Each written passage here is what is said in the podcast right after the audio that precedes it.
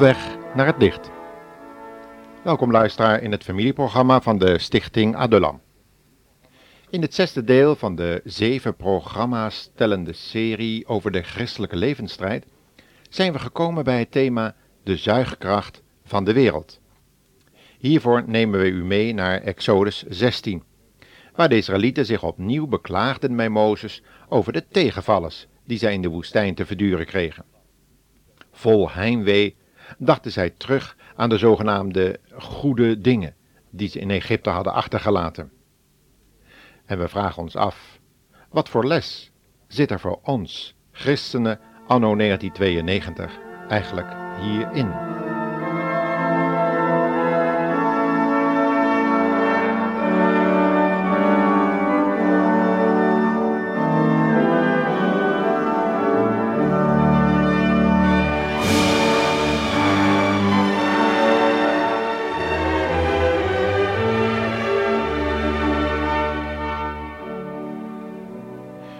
Teleurgestelde christenen. Zo zou je de volgende ervaring kunnen noemen. Met gebogen hoofd zat een jonge man eenzaam in zijn kamer te piekeren. Het was allemaal zo anders gelopen dan hij zich had voorgesteld. De mensen die een middel voor zijn bekering waren geweest, hadden hem verteld dat het leven met Jezus één geweldig groot avontuur zou zijn. Steeds als je iets nodig had, behoefde je alleen maar dat in gebed te brengen en Jezus zou ervoor zorgen dat je het gevraagde kreeg. Je moest dan wel geloof oefenen, dat is waar, maar dat was niet zo moeilijk als je naar die getuigenissen op de televisie luisterde. Getuigenissen vol succes in het christelijk leven. Bovendien was daar zondags die kabeltelevisie, waarop hij bijna 24 uur per dag allerlei evangelische programma's kon beluisteren en bekijken. En dan kon je horen hoeveel succes christenen hadden of konden hebben, wanneer je maar positief leerde denken, geloven en beleiden. Zij vertelde dat Jezus uiteindelijk een leven vol overvloed beloofd had, voor iedereen die geloofde. Geloofde in zijn almacht, in zijn levenskracht en in het succes. Ten slotte had hij toch ook gezegd dat de volgelingen van hem grotere dingen zouden doen dan hij zelf deed. Nou, wat wil je nou nog meer als beginnend christen? Hij herinnerde zich hoe hij ook eens een advertentie had gelezen van een nieuwe spirituele beweging. En iedere cursist werd daarin het volgende voorgehouden. Ontdek hoe je denken functioneert. Manifesteer en materialiseer exact wat je wilt. Geef jezelf aan jezelf cadeau. Vertrouw de kracht van je geest. En een andere beweging had cursisten ook opgeroepen voor een workshop, maar nu met als doel ontwikkeling van het zelfbewustzijn, zelfheling en groei op het spirituele pad. De prijs die je moest betalen aan de ene beweging werd niet genoemd. De andere cursus begon met een kleine bedrag, maar dat liep in de praktijk al gauw op tot tienduizenden guldens, zodat mensen die het geheim van de zelfheling en gezondmaking wilden ontdekken, al spoedig bezittingen moesten verkopen om hun groei op het spirituele pad verder te kunnen ontwikkelen. Waarom vertel ik dit eigenlijk? Omdat de wereld jonge christenen zoveel te bieden heeft. Zelfheling, zelfontplooiing, het ontdekken van de kracht in jezelf, de ontwikkeling van de kracht van positief denken en de krachten van de ziel losmaken. We kunnen visualiseren, materialiseren, alles wat je maar wenst, tenminste volgens verschillende advertenties. En de verleiding is eigenlijk te groot om als jonge christen in deze wereld staande te blijven. Zo lijkt het wel.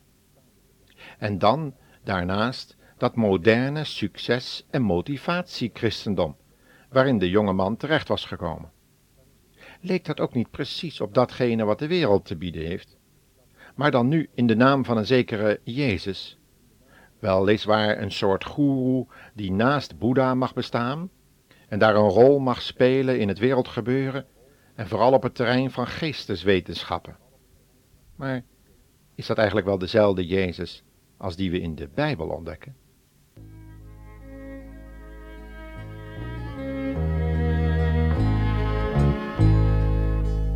Vermoeide strijder.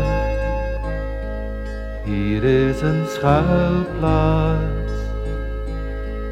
Was nu je voeten en slaap tot de morgen. Met brood en wijn geef ik je weer moed. Ik ben jouw schild, ik geef je erbarmen. En onder jou zijn eeuwige armen. De Israëlieten, die zo enthousiast op reis waren gegaan naar het beloofde land, moeten ook dergelijke verwachtingen gehad hebben als onze jonge christenvriend. Vol geloof en vertrouwen waren ze achter leider Mozes aangegaan. Vol met goede voornemens bezield en met een groot superioriteitsgevoel. Ze hadden gezegd, ten opzichte van hun grote leider, niet Mozes, maar de leider onder wie Mozes weer stond, de God der goden, Jehovah Elohim, zo werd er ook wel genoemd. Wie onder de goden is gelijk aan de Heere? Wie is zo heerlijk en heilig als u? Bewonderenswaardig in roemrijke daden, niet te volgen in uw wonderlijk doen en laten? Zo hadden ze dat uitgeroepen. En misschien hebt u dat ook wel gedaan, beste luisteraar, toen u enkele wonderbaarlijke genezingsdiensten hebt meegemaakt. Hoe staat het echter nu met uw geloofsleven? Nu u voor de ene geloofsbeproeving na de andere staat, en waar het einde nog niet van te overzien is. Herkent u misschien die klagelijke uitroepen van de hongerige Hebreeën, toen de Heere hun het dagelijkse voedsel onthield, ter beproeving van hun geloof? Luister eens wat ze Mozes allemaal vertelden, in Exodus 16, vers 1 tot 3, en welk antwoord de Heere hun toen gaf, maar eigenlijk ook aan ons. Na het vertrek uit Elim kwamen de Israëlieten in de woestijn Zin, tussen Elim en de Sinaï. Dat was zes weken na hun vertrek uit Egypte. In die woestijn beklaagden de Israëlieten zich tegenover Mozes en Aaron, en ze zeiden: Waarom heeft de Heer ons niet gewoon in Egypte laten sterven? Daar hadden we in elk geval genoeg te eten. Maar in deze woestijn zullen we allemaal verhongeren. Zo hadden ze tegenover Mozes gemopperd. En waar, wat moest Mozes daar nu weer op antwoorden? Wordt hij dat volk met die klachten nog niet moe? Maar voordat Mozes ook maar iets kon antwoorden op die toenemende klachten, antwoordde de Heere reeds. Luister maar. Ik zal voor hen brood uit de hemel laten regenen. Iedereen mag elke dag zoveel eten verzamelen als hij die dag nodig heeft en ik zal hen daarmee op de proef stellen om te zien of zij al mijn opdrachten uitvoeren.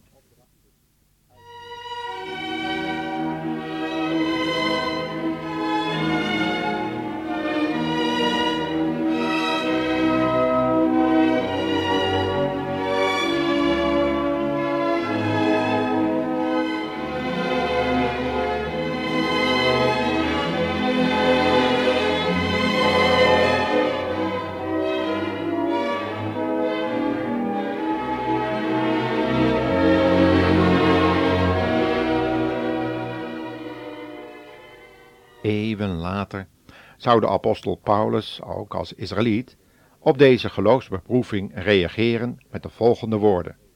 U kunt ze terugvinden in 1 Timotheus, de brief aan Timotheus dus, hoofdstuk 6, vers 6 tot 9. Dus de eerste brief aan Timotheus, hoofdstuk 6, vers 6 tot 9. Daar staat: Het leven met God brengt inderdaad veel op. Zeker als je dan blij bent met alles wat je hebt. Per slot van rekening hebben we bij onze geboorte niets meegebracht. En als wij sterven, zullen wij ook niets kunnen meenemen. Daarom moeten wij tevreden zijn zolang wij maar voeding en onderdak hebben.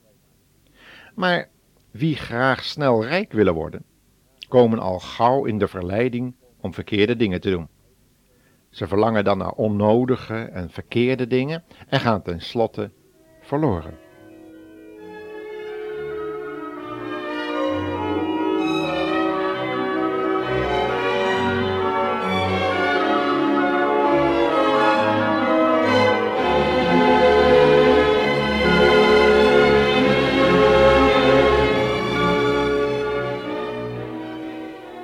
Juist met het oog op de verzoekingen die we in het voorbeeld van onze jonge christen tegenkwamen en die we zo uit de nieuwskranten kunnen verzamelen, zijn we nu aan onze zesde verzoeking bezig, die we kunnen tegenkomen op weg naar het licht.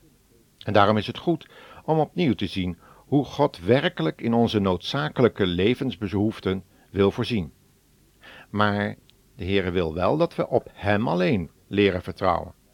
En dat we onze begeerten bij Hem met dankzegging en smeking bekendmaken. En dan ook vol vertrouwen de uitkomst van Hem alleen verwachten en niet van de mensen om ons heen.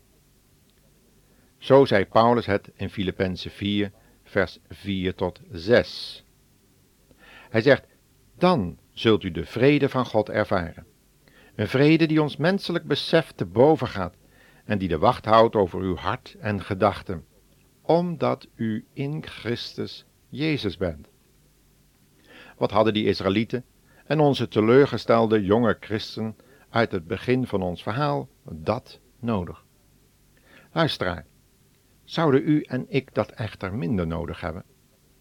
God voorzag op een wonderlijke manier in de dagelijkse behoeften van het grote volk, en Hij zal dat in ons geval ook doen, wanneer we onze noden aan Hem bekendmaken. Soms doet God het op een hele ongedachte en wonderlijke wijze. De andere keer gebruikt Hij de gewone menselijke middelen en uw eigen verantwoordelijkheidsgevoel. Maar hoe het ook zij, God heeft in de Heer Jezus ons een voorbeeld gegeven. Dat wij zeker de gewone menselijke middelen om in ons onderhoud te voorzien niet moeten minachten.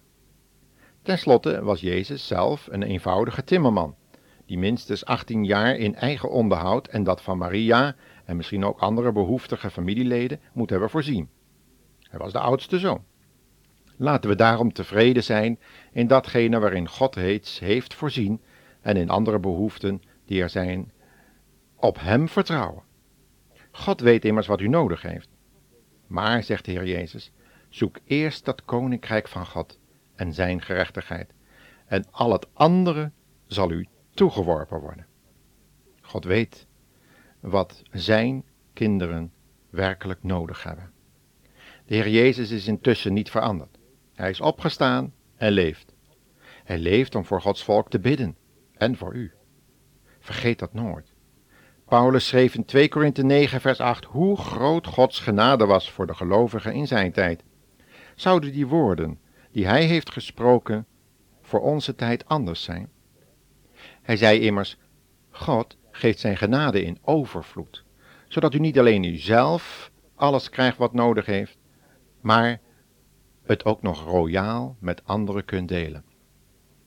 Laten we aan de zuigkracht van de herinnering aan het oude leven en de wereldse genoegens weerstand bieden in de kostbare naam van onze Heer Jezus. Hij werd om ons arm, om ons rijk te maken door zijn genade. Nee, geen rijkdom zoals de wereld die denkt te krijgen en ook aanbiedt, en die tot allerlei schadelijke begeerten leidt, maar een rijkdom die in de hemel bewaard wordt als een erfenis, zoals Petrus het zegt in 1 Petrus 1, vers 3 tot 7.